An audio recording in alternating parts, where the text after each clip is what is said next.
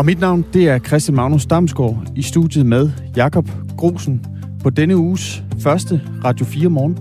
Godmorgen. Godmorgen, og øh, jeg håber, du har sovet godt, hvis du lige er stået op. Hvis du er en af dem, der har holdt julen i gang hele natten, så håber jeg, at du snart kommer til at sove godt. Men øh, du behøver ikke gå i seng lige nu, fordi vi har tre timers øh, Radio 4 morgen klar. Øh, en af de store historier, vi kigger nærmere på i dag, den går på øh, private botilbud for børn og voksne, som af en eller anden grund ikke magter at, øh, at bo alene. Øh, de private botilbud de får flere påbud, bliver oftere lukket end øh, bosteder drevet af det offentlige. Det viser en øh, kortlægning, som vi har lavet her på Radio 4.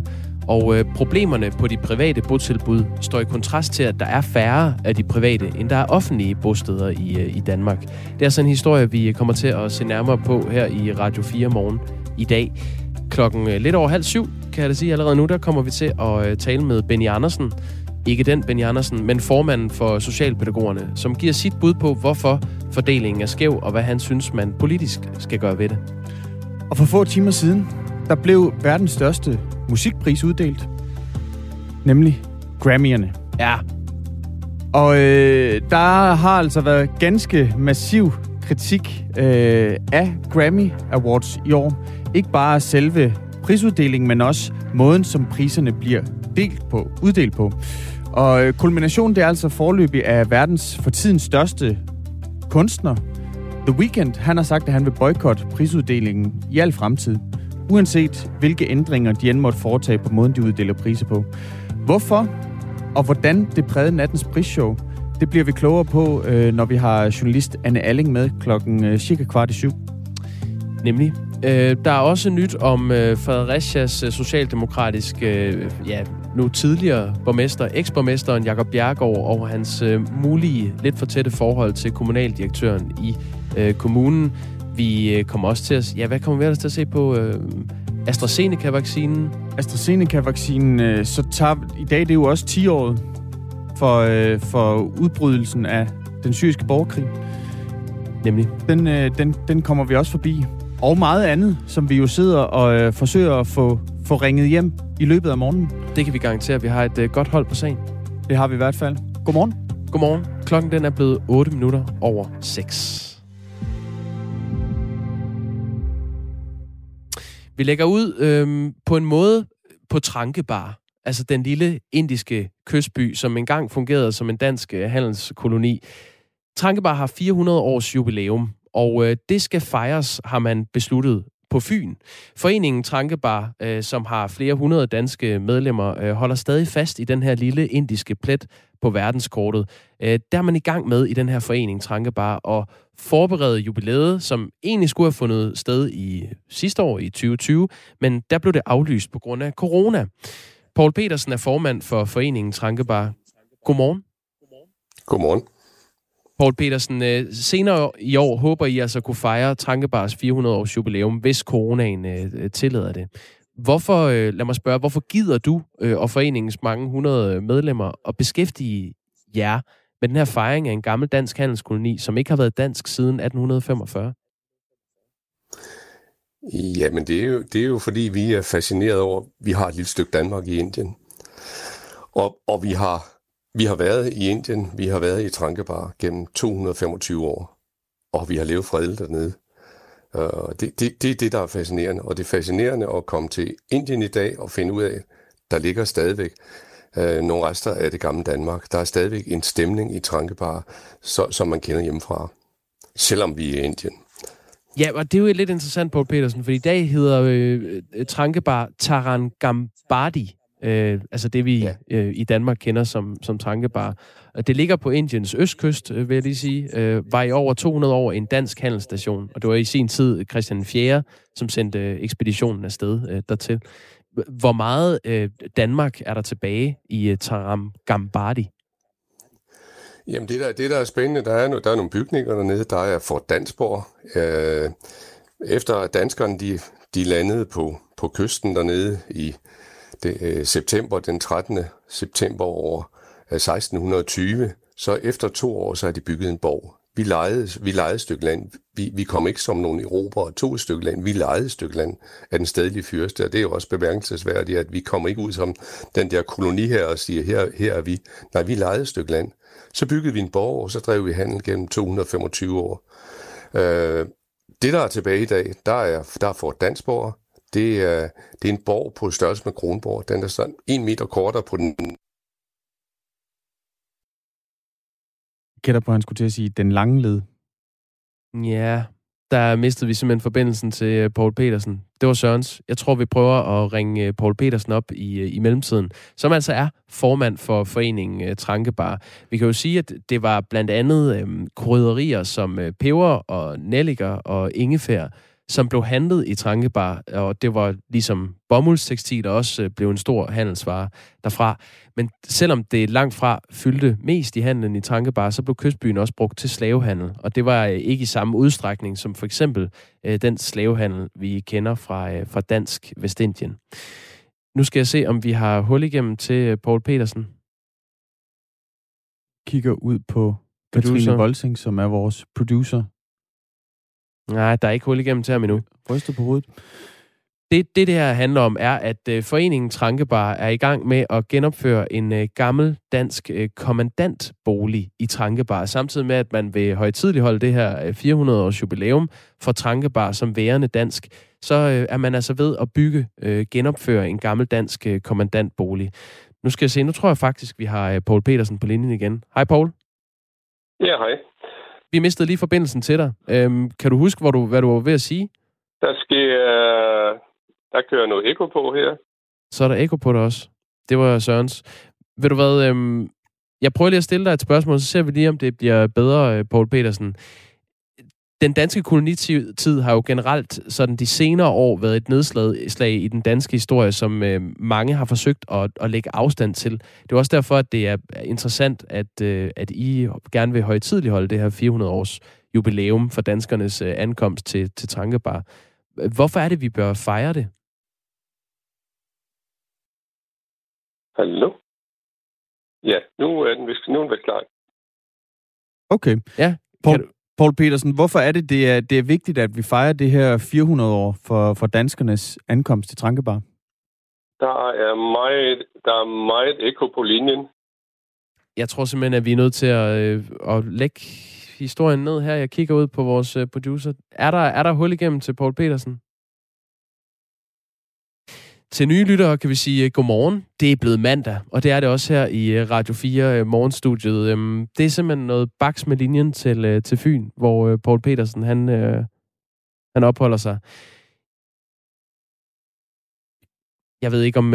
Jeg tror simpelthen, at vi er nødt til at lægge historien om, om Trankebar som, som værende den her danske koloni, som man kan fejre 400 års jubilæum for i år, ned. Um, eller hvad? Nu får vi en melding på, at der er hul igennem. Hold op, det er live der, Paul Petersen. Godmorgen igen.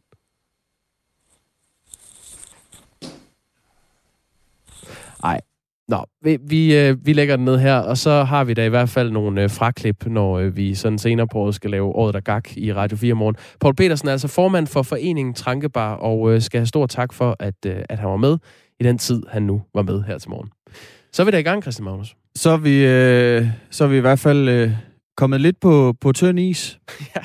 Men øh, der, der, der var jo også øh, problemer med, øh, med teknikken her, da vi mødte ind i, i morges, eller måske ikke teknikken, men aircondition er simpelthen røget, så vores tekniker, Kasper Amby, han, har, han blev kaldt herind altså midt om natten, fordi at der ikke var nogen øh, køleren i vores serverrum. Var simpelthen, øh, var simpelthen gået. Nu skal han, vi ikke, ja. Han var henne for, skal, for at lufte ud. Vi har faktisk uh, ret godt styr på det her i, uh, på Radio 4 ellers. Så vi, uh, vi går simpelthen bare videre, og så siger vi, at klokken nu er blevet kvart over seks, og det er mandag morgen for os alle sammen.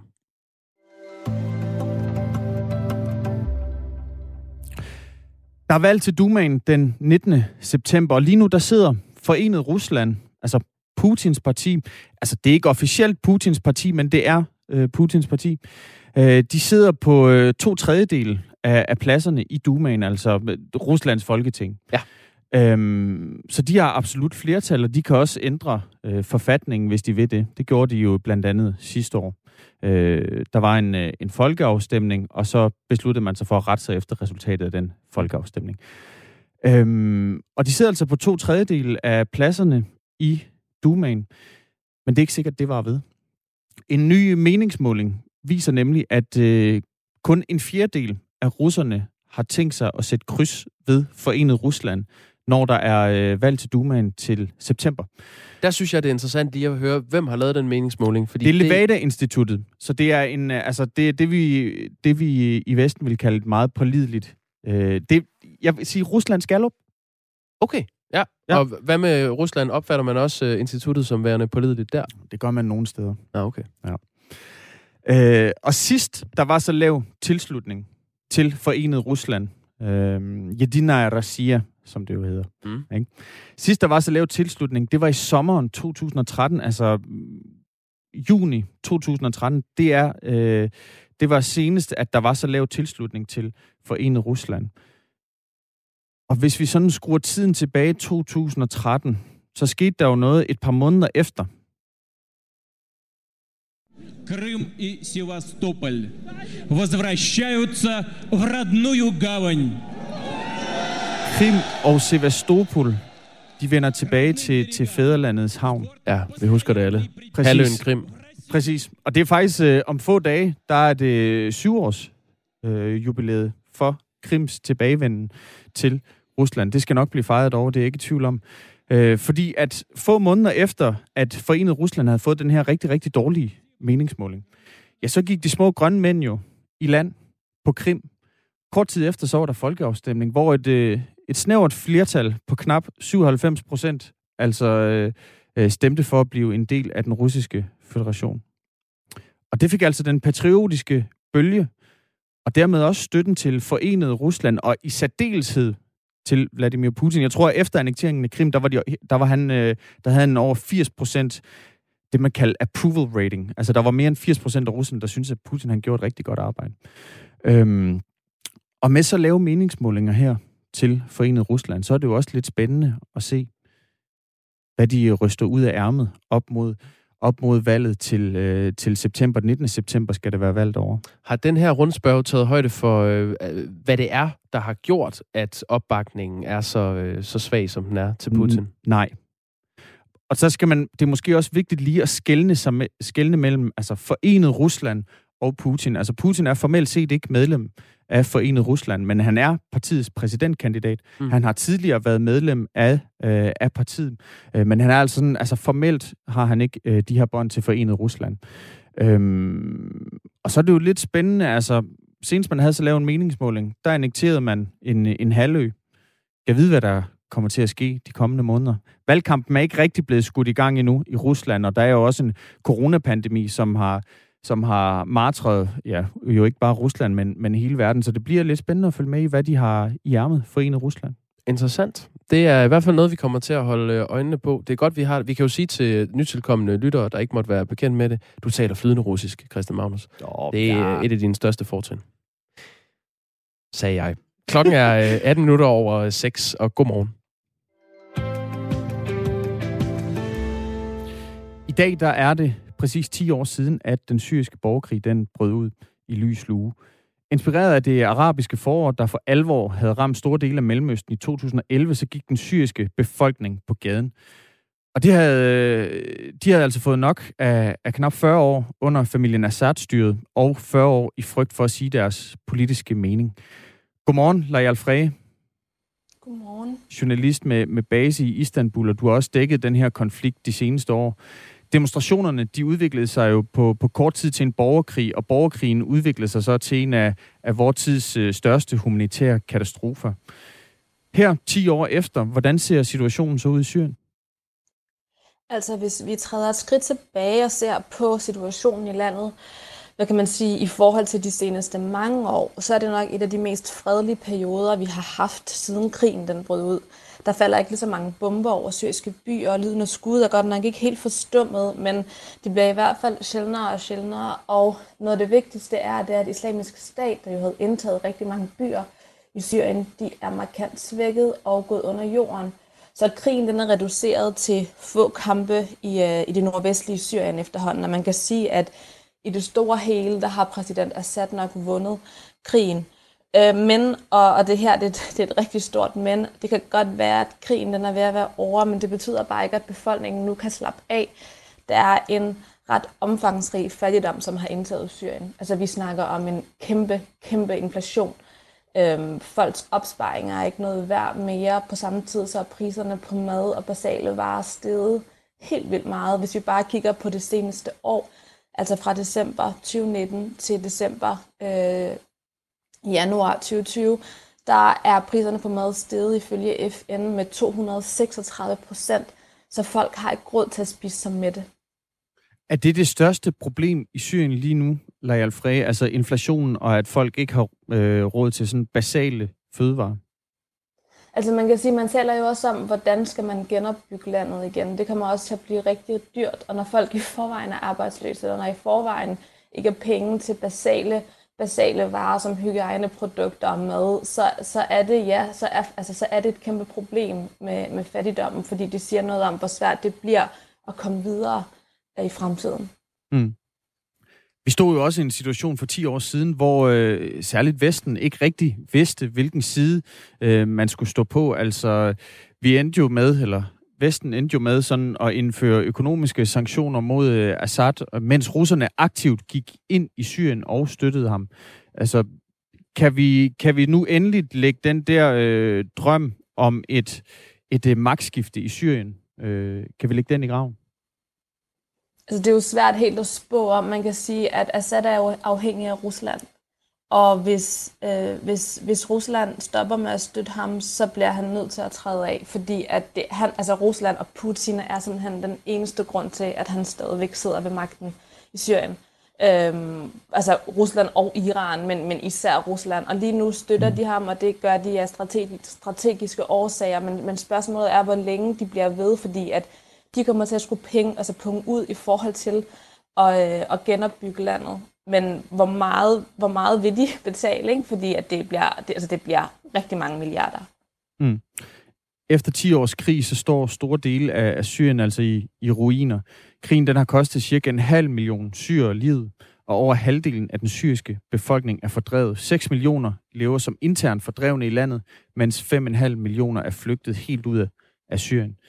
Hvad siger folk, øh, du taler med om fremtiden for Syrien nu, hvor, hvor krigen den, øh, den så småt er ved at komme til, til vejs ende? Altså, de siger, at de har mistet håbet, rent ud sagt. Jeg har øh, flere omgange talt med den her kvinde, som bor i hovedstaden Damaskus, så hun flygtede i sin tid fra islamisk stat, fra sin hjemby, og hendes far er blevet tortureret i et fængsel, og da hun da hendes by igen blev, øh, hvad sådan noget, da byen faldt, og hun kunne vende hjem, der fandt hun ud af, at hele hendes hjem var jævnet med jorden. Og da jeg taler med hende øh, om, om Syriens fremtid, så siger hun rent ud sagt, at jamen, jeg vil hellere have bomberne tilbage, hvis det betyder, at folk kan blive med det igen. Og jeg synes, at det understreger rigtig godt, hvor stor fattigdommen er i Syrien. Hun fortæller om, at folk, altså man kan se desperationen i gaderne, folk står i de her enormt lange brødkøer i håb om at kunne købe en pose brød at De gør det fra starten af dagen til slutningen af dagen, og alligevel så går de ofte tomhændet hjem, fordi der bare ikke er mel nok i byen. På samme tid så er folk begyndt at vende sig mod hinanden, hinanden naboer, der slår naboer ihjel, fordi at de ved, at naboen har fået løn i den her måned, og de selv er desperate. Øhm, så altså, den her kvinde, hun blev i, Syr- i Syrien, trods alt det, alle hendes oplevelser. Hun, hun ville simpelthen ikke være fremmed i, hun ville ikke være flygtning, hun ville ikke være fremmed i et ukendt land. Men hun siger, at altså, dengang der var krig, der havde hun et håb om, at da krigen sluttede, der ville det blive godt igen. Nu er krigen ved at slutte, men livet bliver bare ikke godt i Syrien. Måske bliver det endda værre, fordi at folk er begyndt at vende sig mod hinanden. Så hun er efter 10 år godt i gang med at planlægge sin flugt ud af landet. Vi taler altså med Lajal Frey, som er journalist med base i Istanbul, og det gør vi, fordi at det i dag er 10 år siden, at borgerkrigen i Syrien den brød ud. Alfred, du, du bor jo selv i, i Tyrkiet, som har taget imod langt størstedelen af, af de syre, som er på flugt. Hvordan ser deres situation ud? Altså, jeg besøgte en, øh, en familie her for et par uger siden. En syrisk familie, der bor i et fattigt kvarter i, øh, i Istanbul. De består af, af fem voksne og øh, en, en lille baby. De lever af det, der svarer til 2400 kroner om måneden. Og når de har betalt alle deres regninger, altså husleje og el og varme og alt sådan noget, så har de 400 kroner at leve for til mad. Altså vi snakker fem voksne mennesker. Så de er enormt fattige. Og deres ældste søn, som er 17 år, han har ikke gået i skole siden anden klasse, fordi det var der, de blev nødt til at flygte fra der undskyld, fra deres hjemby. Mm. Og hans største håb lige nu, det er at finde et job, så han kan støtte sin familie. Det er ikke at lære at læse og skrive. Øhm, den tyrkiske regering har været ret gæstfri i begyndelsen af krigen, øh, men fordi landet står i en økonomisk krise, så er den her gæstfrihed ved at være sluppet op, og folk vil gerne have syrerne tage hjem igen. Det betyder, at den tyrkiske, regering, at den tyrkiske regering har tilbudt Syrien nogle penge for at tage hjem, altså sådan en økonomisk gevinst ved at vende tilbage til Syrien. Men når jeg taler om den her familie, om, om de gerne vil hjem, så siger de, at de har bare ikke noget at vende tilbage til. Så, så vil de hellere leve i fattigdom i Tyrkiet, hvor der trods alt er trygt, end i fattigdom i Syrien, hvor der er usikkert. Så for at svare på dit spørgsmål, altså nej, de, øhm, de vil ikke hjem. De har tænkt sig at blive i, øh, i, i, i Tyrkiet. Mm. Så der, der er ikke som sådan noget håb for, at de mange syre, som jo er flygtninge i Tyrkiet, de altså vender tilbage til trods for de, øh, den øh, økonomiske gulerod, som Tyrkiet lidt forsøger at få dem til at tage? Nej, nej, altså ikke dem, jeg har talt med. Du kan sikkert godt finde nogen, som tænker, at, at, øh, at det vil øh, være bedre at leve i fattigdom i Tyrkiet, eller fordi de har en ekstrem hjemmevæg. Men dem, jeg har talt med, de siger alle sammen, at det simpelthen, altså det, der er bare ikke noget, der, altså de siger, der er ikke noget Syrien tilbage, så at, hvad er det, vi skal vende tilbage til? Nu har krigen så varet i, i 10 år. Hvordan ser udsigterne ud for Syrien? Se, det, er jo, det er jo sådan et ret godt spørgsmål. Altså man kan sige, at landet det står jo i ruiner, øh, og det kommer til at blive, som jeg sagde før, rigtig dyrt at genopbygge. Ifølge FN, der øh, er det 80 procent af den syriske befolkning, der lever under fattigdomsgrænsen. Og så er folk jo heller ikke ligefrem tilfredse eller glade med den præsident, som ender med at blive siddende. Hvis vi skal sammenligne med en krig, der måske minder en lille smule om, så kan vi kigge på Syriens naboland, Irak. Efter krigen i nullerne, så øh, stod dele af Irak jo også i ruiner, og folk blev meget desperate. Øhm, og det lagde kimen til det, der blev til islamisk stat. Det er jo ret kendt efterhånden. Det, mm. Altså, situationen i Syrien, den er meget værre lige nu, end den var i Irak. Øhm, og det kan godt være, at IS er svage, og det kan godt være, at de lever i de her små svækkede lommer. Men spørgsmålet er, om desperationen i Syrien kan være med til at styrke de her altså, radikale islamistiske stemmer, så de kan blive stærke igen. Øhm, og så som kvinden sagde i Damaskus, som jeg fortalte, fortalte om lige før, og så hun siger, at folk er allerede begyndt at vende sig mod hinanden. Så det kan godt være, at, at krigen den er ved at ende i Syrien, men altså, det betyder bare ikke, at det bliver erstattet med hverken håb eller, eller fred. Lael Fred, tak fordi du var med altså journalist i, i Istanbul, som altså også har dækket øh, krigen i, i Syrien tæt de, de seneste år. Hvis du vil høre mere om krigen i Syrien, så kan du altså finde det seneste afsnit af Radio 4-podcasten Mellem Linjerne, hvor forfatter Adam Holm øh, fortæller om arbejdet bag sin bog Diktatoren i Damaskus. Klokken den er 28 minutter over 6. Og det er den på en øh, mandag morgen, som øh, hedder den 15. marts. Og øh, det er jo en, en glædens dag for, øh, for mange, og måske også sådan for samfundet generelt, fordi der bliver åbnet mere i dag. Øh, det, der åbner mere i dag, det er højskoler og efterskoler i hele landet, som kan åbne for elever. Det er afgangselever i grundskoler og på ungdoms- og voksenuddannelser i Østjylland, Sydjylland, Fyn og Vest- og Sydsjælland, hvor man kan vende tilbage til undervisning hver anden uge, og den øh, lignende model er allerede blevet etableret i, øh, i Nordjylland og i Vestjylland. Så er der elever i 5. til 8. klasse og ikke afgangselever på ungdomsuddannelser i alle landsdele, som kan møde, til, møde ind til udendørs undervisning en gang om ugen. Og det er jo, altså, det må man jo bare sige, det er en fornøjelse i sådan et øh, Danmark, der sprudler af forår, og kunne få lov til at få udendørs undervisning en gang om ugen. Det er et øh, meget, meget lille plaster på, øh, på såret, det kan man øh, måske godt sige. Øhm, derudover så er der øh, detailhandlen, hvor der er ændrede regler, udsalgsvarebranchen, på, øh, øh hvor butikker på 5.000 kvadratmeter eller derover nu må have op til 250 kunder i butikken. Og så er der øh, det med, at man har kunne bestille tid øh, i butikker øh, for under 10.000 kvadratmeter den tidsbestilling bliver fjernet. Så øhm, det er altså det, der kommer til at ske i dag på den 15. marts, og det er altså også noget, vi holder øjnene på her i Radio 4 morgen. Og det, der kommer til at ske på den anden side af nyheder, det er, at vi går, vi tager første spadestik i den store historie på Radio 4 her til morgen, nemlig historien om private botilbud. Klokken den er halv syv.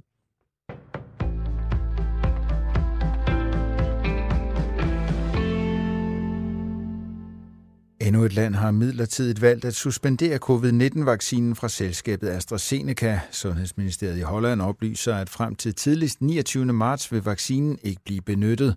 Beslutningen er truffet af Hollands lægemiddelmyndighed på baggrund af nye informationer, det oplyser ministeriet ifølge nyhedsbruget Reuters.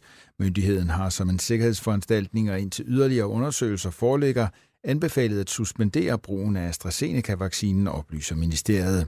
Beslutningen indebærer, at sundhedsmyndighederne i Holland vil blive tvunget til at aflyse 43.000 planlagte vaccinationer, der var bestilt tid til, det skriver det hollandske nyhedsbrug ANP. I går besluttede Irland ligeledes at sætte vaccinen på pause. Før det har blandt andre Danmark, Norge, Island og Bulgarien også indstillet brugen af vaccinen på baggrund af indberetninger om blodpropper hos vaccinerede. I Norge er tre sundhedsmedarbejdere indlagt med blodpropper efter at være vaccineret med midlet fra AstraZeneca. Regeringen vil med et nyt lovforslag sikre, at flere udvisningsdømte kriminelle i de danske fængsler overføres til afsoning i hjemlandet. Men effekten af de nye tiltag er tvivlsomme, lyder det fra både en professor og justitsminister Nick Hagerups embedsmænd. Det skriver Morgenavisen Jyllandsposten. Dagmar Eben Østergaard har mere. Regeringen vil presse de udvisningsdømte hjem ved blandt andet at afskære dem fra prøveløsladelse. Men om det vil få flere udenlandske indsatte til frivilligt at rejse hjem til afsoning er ikke givet, fremgår det af lovforslagets bemærkninger. Da virkningen af tiltagene afhænger af de udvisningsdømtes adfærd, er den præcise effekt dog meget usikker, skriver Justitsministeriets embedsmænd. Professor Linda Kær Minke forsker i kriminalitet og afsoning ved Syddansk Universitet, og hun vurderer, at mange udenlandske dømte trods tiltagene fortsat vil foretrække afsoning i Danmark. Fængselsforholdene i de udvisningsdømtes hjemlande kan være elendige, og nogen har familie og venner her, så de vil ikke ud af Danmark, siger hun til Jyllandsposten. Der er aktuelt 375 udvisningsdømte i danske fængsler, og hvis ikke lovforslaget får flere til at rejse hjem, erkender justitsministeren, at det vil belaste de danske fængsler, at udvisningsdømte ikke kan prøveløslades. Og fordi fængslerne allerede er overfyldte, åbner lovforslaget for, at danske kriminelle i det tilfælde kan løslades tidligere. Og det virker helt grotesk, siger Venstres retsordfører Preben Bang Henriksen til avisen Nick Hagerup afviser kritikken. Jeg tror på, at udsigten til at skulle afzone i markant længere tid uden udsigt til prøveløsladelse vil få flere til at forlade Danmark, siger justitsministeren.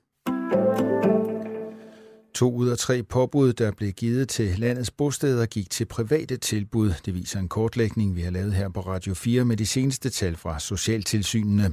63 procent af påbudene blev givet til private tilbud. Det tal står i kontrast til, at under halvdelen af botilbudene er privatejet. I løbet af de seneste fem år er 26 private tilbud blevet lukket, mens det samme er tilfældet for syv af de offentlige.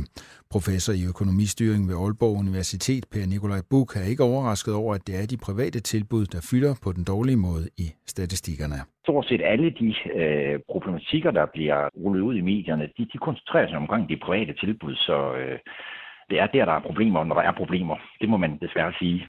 Og du kan høre mere om sagen, når formanden for Socialpædagogerne, Benny Andersen, er gæst her i Radio 4 morgen efter en kort vejrudsigt. Det bliver skyet med regn eller byer, der kan være med slud. I løbet af dagen klarer det op fra nord og nordvest med nogen eller en del sol, især i Jylland. Temperaturer op mellem 4 og 8 grader.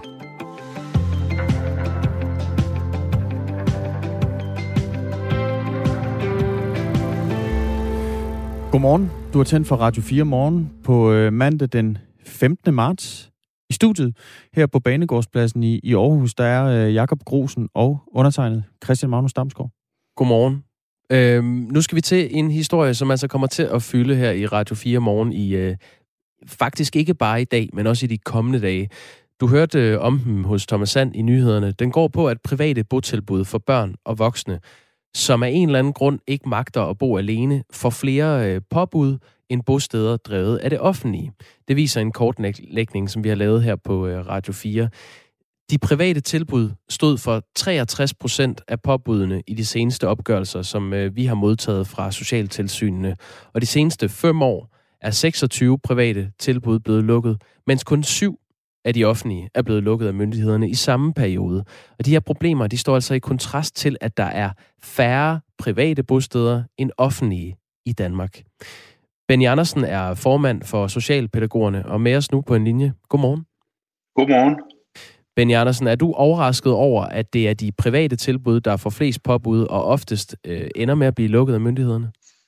Det må jeg sige, det er desværre ikke. Øh, som professoren for Aalborg sagde, så øh, alle de sager, vi hører om, der er der jo rigtig mange af dem, der har private tilbud. Så nej, det er jeg ikke. Hvorfor er du ikke overrasket? Ja, fordi at øh, de undersøgelser, vi også selv laver, øh, de undersøgelser, som vi har lavet, de peger på, at vi har en kæmpe problem på det, på, på det private område. Og så er jeg ikke overrasket, fordi, undskyld, fordi det simpelthen er blevet for, altså det er for let at blive oprettet som socialpædagogisk tilbud. Der er simpelthen for få krav til øh, personalesammensætning, faglige metoder og den slags. Benny Andersen, vi har simpelthen øh, helt ekstremt dårlig lyd på dig, så vi ringer dig lige op på en øh, anden linje, og øh, så kan jeg så i mellemtiden fortælle, at øh, reglerne er sådan i Danmark, at man gerne må tjene penge på at drive et øh, privat botilbud. Det er der ikke noget ulovligt i. Det ville være ulovligt, hvis der for eksempel var tale om et privat øh, plejehjem eller en privat skole. Men lige præcis for private bosteder, der må man altså gerne tjene penge. Øh, det kan man gøre gennem et, øh, et aktie- eller et anpartsselskab, som driver bostedet. Per Nikolaj Buk er professor i øh, økonomistyring ved Aalborg Universitet, og han er heller ikke, som Ben Andersen, som vi hørte fra her, formand for Socialpædagogerne, overrasket over, at, at det er de private tilbud, der fylder på den, lad os sige, dårlige måde i statistikkerne. Lad os lige høre, hvad han siger. Når man ser på de sager, der har været i medierne, så er det jo ret markant, at, at når vi deler markedet op i, øh, i tre typer aktører, der er dels dem, som kommunerne eller regionerne driver, og så er der dem, som øh, drives af, øh, af, af, man kan sige, ja, sociale organisationer, øh, og så er der de rigtig privat-private. Øh, så er stort set alle de øh, problematikker, der bliver rullet ud i medierne, de, de koncentrerer sig omkring de private tilbud, så øh, det er der, der er problemer, når der er problemer. Det må man desværre sige. Nu har vi Benny Andersen, øh, formand for Socialpædagogerne, med igen. Øh, hej igen, Benny Andersen. Hej, og undskyld. Ja. Jamen ved du hvad, det, øh, det, jeg tror ikke, at, det, at fejlen ligger hos dig. Jeg, jeg spurgte dig, hvorfor du ikke var overrasket, og dit det svar det, forsvandt lidt i togerne. Vil du ikke svare på, hvorfor du ikke overrasket over, at det er de private tilbud, der har flest problemer? Jamen, øh, en af årsagen, eller den væsentligste årsag, det er, at det er simpelthen for let at blive øh, oprettet som socialpædagogisk tilbud. Der er ikke øh, rette krav til personalesammensætning, til pædagogiske metoder. Den sammenblanding med, at der ikke er det, og så er det for mange af at blive en forretning, hvor man skal tjene penge, det øh, gør for mig, at man øh, alt for meget sænker baren, og, og derfor får man de her problemer. Du er jo formand for landets øh, socialpædagoger, og der er socialpædagoger ansat også på øh, private øh, botilbud. Hvad er det typisk for nogle problemer, øh, I ser? Jamen det er, at der er for få uddannede personale. Det er, at øh, kvaliteten simpelthen ikke er i orden. At medarbejderkompetencen bredt set på et sted ikke er, er til stede. Og så er det, at de faglige tilgang, at metoder, at man simpelthen blander øh, målgrupper, at du tager børn ind, der måske har en spiseforstyrrelse sammen med et andet barn, der har skizofreni, og det, det, er jo ikke, det er jo ikke de samme ting, der skal til for at hjælpe de børn. Botilbudene, skal jeg lige sige, øh, hvis man ikke var bekendt med det, det, det gælder jo både for, for børn og, og voksne. Altså der er både nogen, der er rettet mod de unge og børnene, og så er der nogen, der, der har øh, øh flere voksne, der bor der. Øh, ja. Benny Andersen, det er jo ikke på den måde overraskende, at du som formand for øh, det uddannede personale, altså socialpædagogerne, synes, der er for få uddannede ude på bostederne. Hvad er det sådan en øh, håndgribeligt, øh, du, øh, du vil kritisere øh, de her private bosteder for? Jamen det er, at man øh, ikke, ikke, øh, ikke, ikke alvorligt nok tænker på, hvad er det for nogle børn, hvad er det for nogle voksne, vi skal, vi skal hjælpe videre. Der er jo en grund til, at børn bliver anbragt. Det er jo fordi, de skal have en chance i livet. Der er en grund til, at voksne kommer på et bosted. Det er for, at vi skal give dem nogle muligheder i livet. Og hvis man ikke har øh, nok styr på eller fokus på, på den faglighed, der skal til at hjælpe de mennesker, så svigter man dem jo i sidste ende. Og det, det, på den måde synes jeg, at der er alt for mange private, der, er blevet øh, små forretninger, hvor det handler om at tjene penge. Øh, så derfor er løsningen jo, at vi skal lave et forbud mod profit, samtidig vi stiller krav om uddannelse, uddannelse til personale.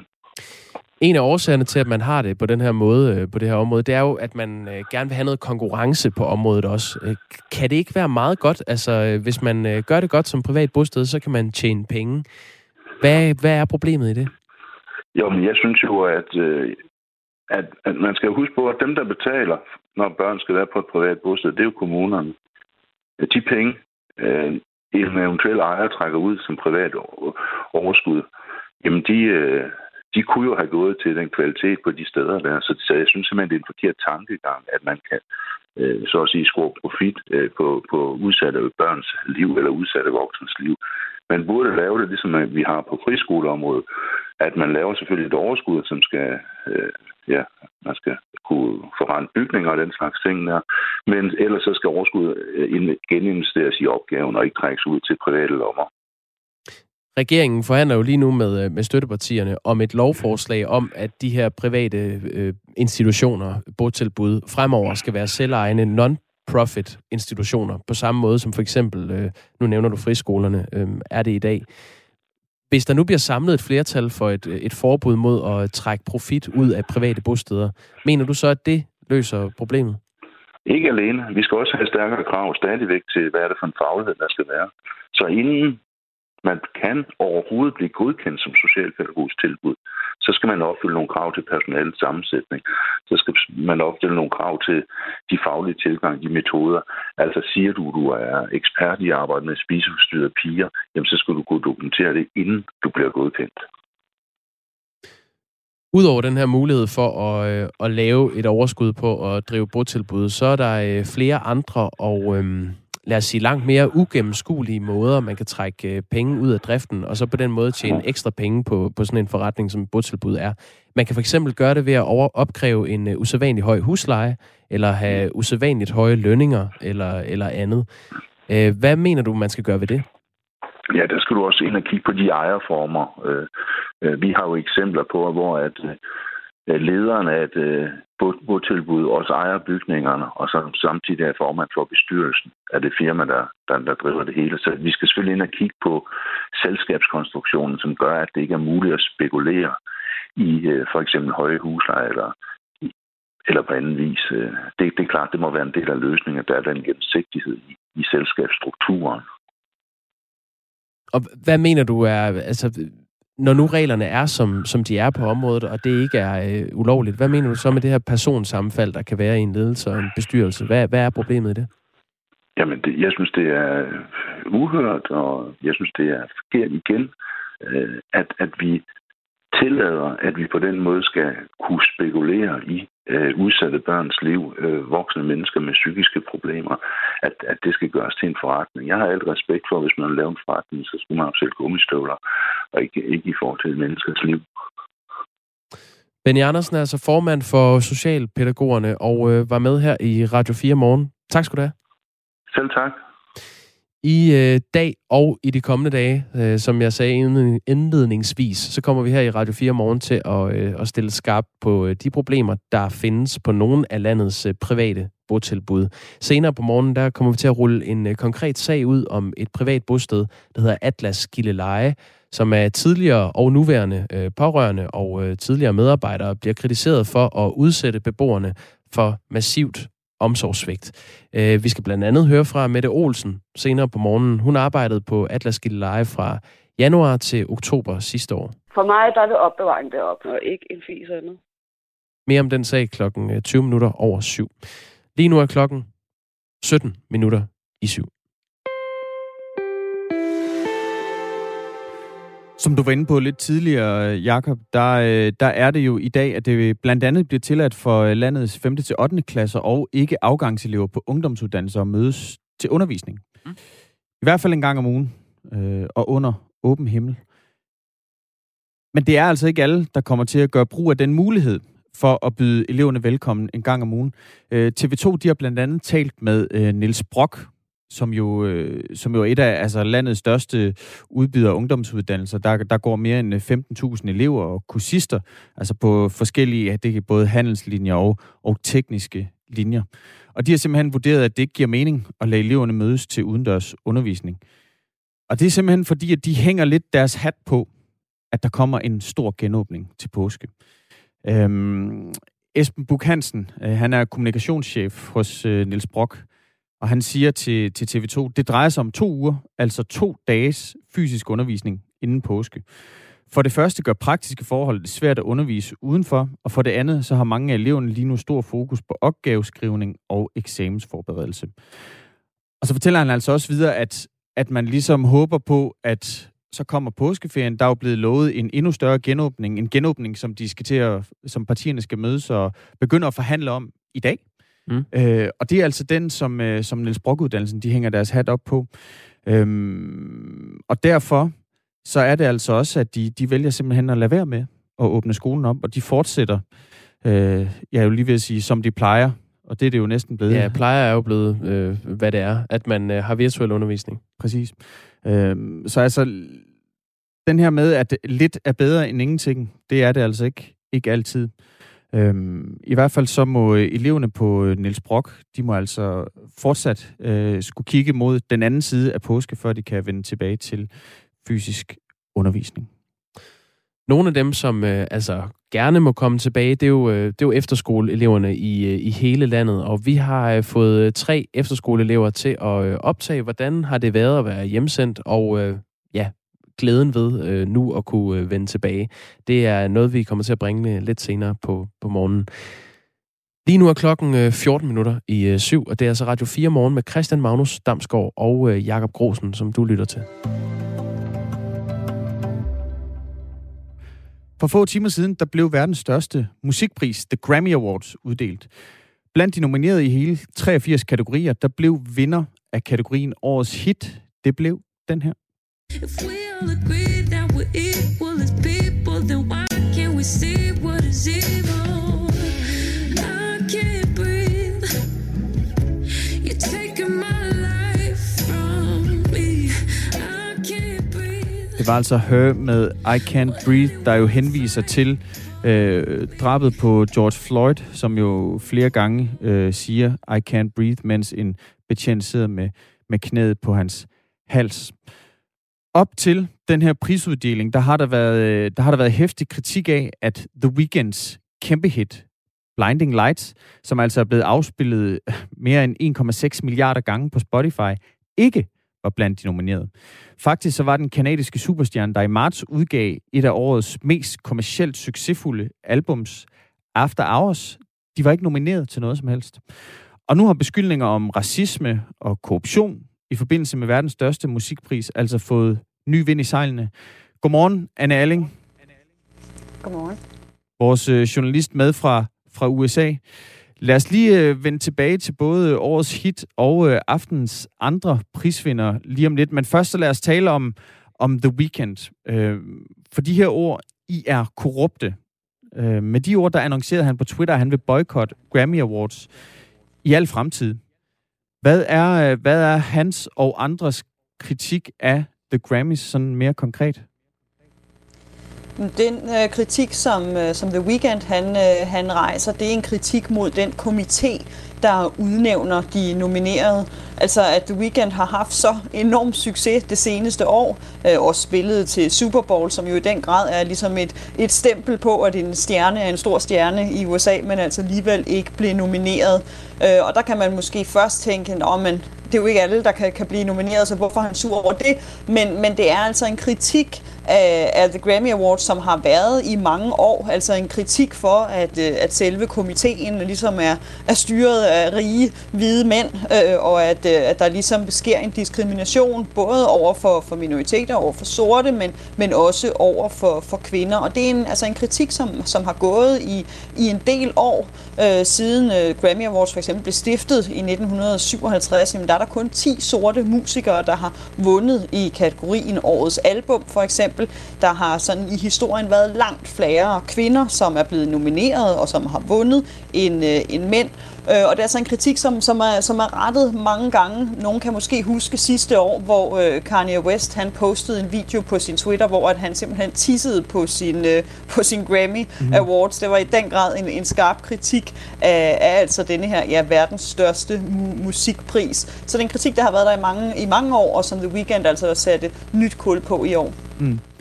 Anne Alling, øh, der, der er lidt øh, bøvl med, øh, med forbindelsen øh, til dig øh, til USA, så vi prøver simpelthen lige at, at ringe dig op øh, og få dig med på den her historie. Altså om øh, The Grammy Award, som for kort tid siden øh, sluttede.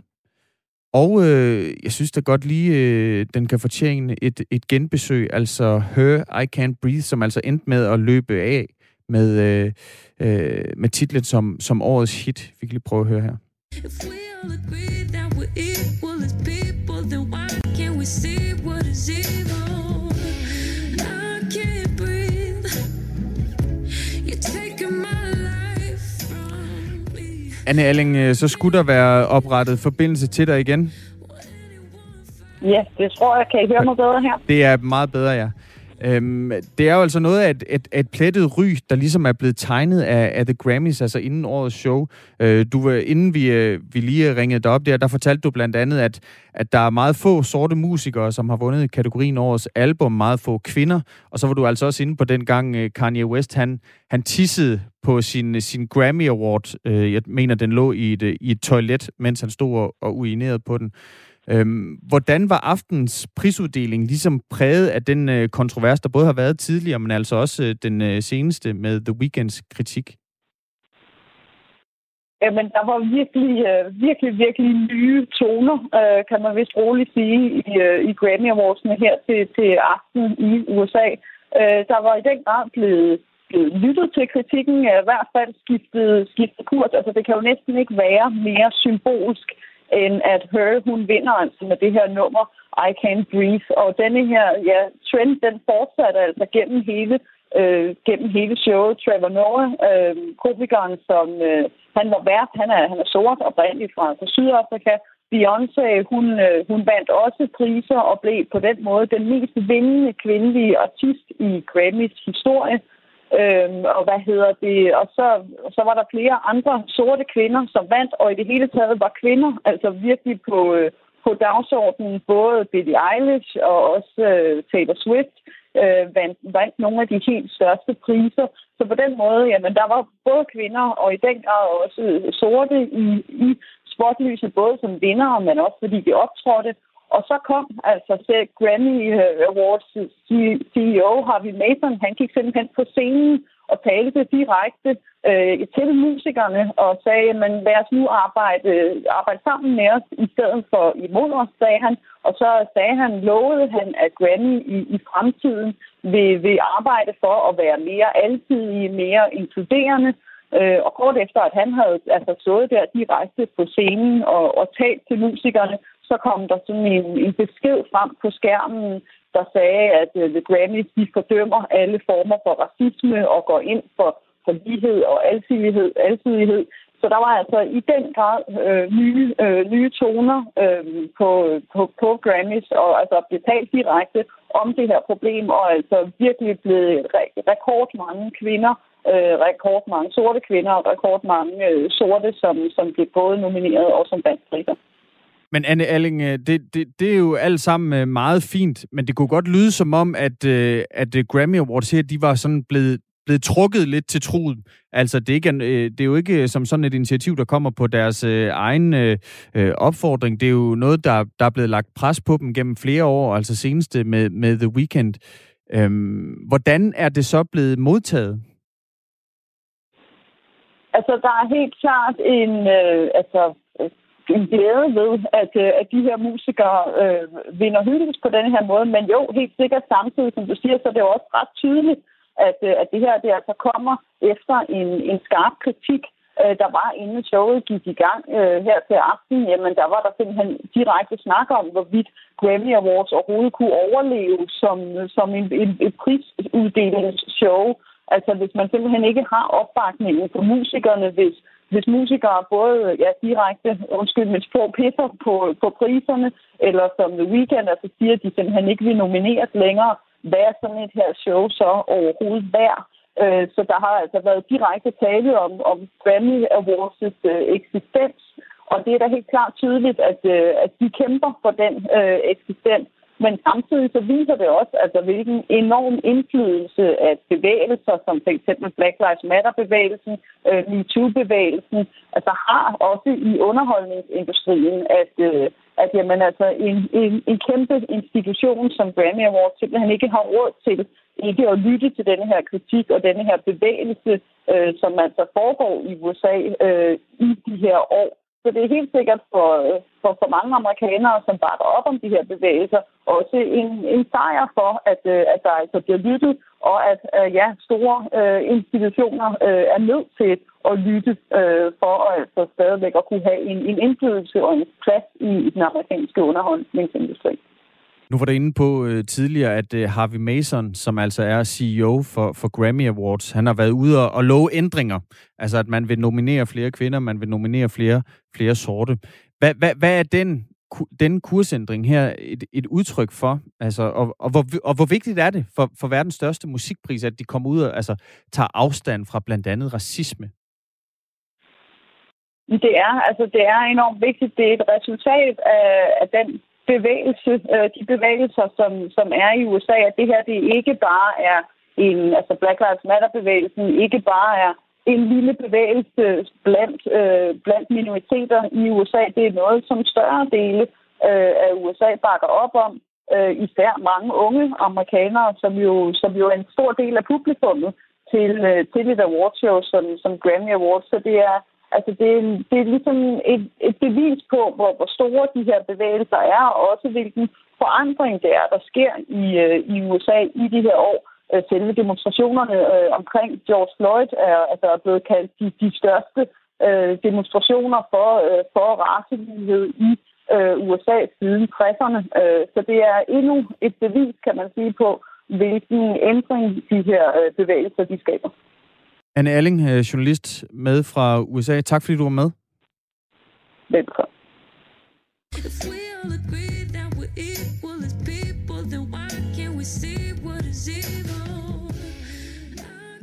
Det var altså Hør med I Can't Breathe, der vandt, eller vandt kategorien Årets Hit med I Can't Breathe. Nas vandt for første gang en Grammy for bedste rapalbum, så det er stort, men prisen kommer alt for sent til ham. God dag skriver vores lytter MT. Nas er en øh, amerikansk sort rapper. Øhm, så er der en, der skriver, må ikke woke-bevægelsen sørge for, at ikke en hvid mand vinder en Grammy, Oscar eller anden vigtig pris i fremtiden i USA, som resten af verden? Øh, det er Tobias fra Esbjerg, der skriver det. Øh, jeg har lige været inde og tjekke, fordi det er senere i dag, bliver øh, de øh, nomineret til årets Oscar-prisuddeling faktisk mm. øh, offentliggjort. Jeg kan se, at i hvert fald Sir Anthony Hopkins og gode gamle Gary Oldman er nomineret. Der er altså også øh, øh, ældre øh, ciskønnede heteroseksuelle hvide mænd på listen til Tobias fra Esbjerg. Godt nok, så det, verden er ikke helt at lave endnu. Øhm, jo, det var sådan set det for, for sms'erne for nuværende. Ja, men må jeg ikke lige fortælle noget andet filmrelateret, nu vi er i gang? Så øhm, fordi det er jo, uh, uanset om vi er øh, hvide, eller øh, øh, brune, eller sorte, eller gule, eller blå, så er der jo film. Og uh, lad os lige prøve at høre lidt af den her. You Jake Sully? I'd like to talk to you about a fresh start on a new world. You'd be making a difference.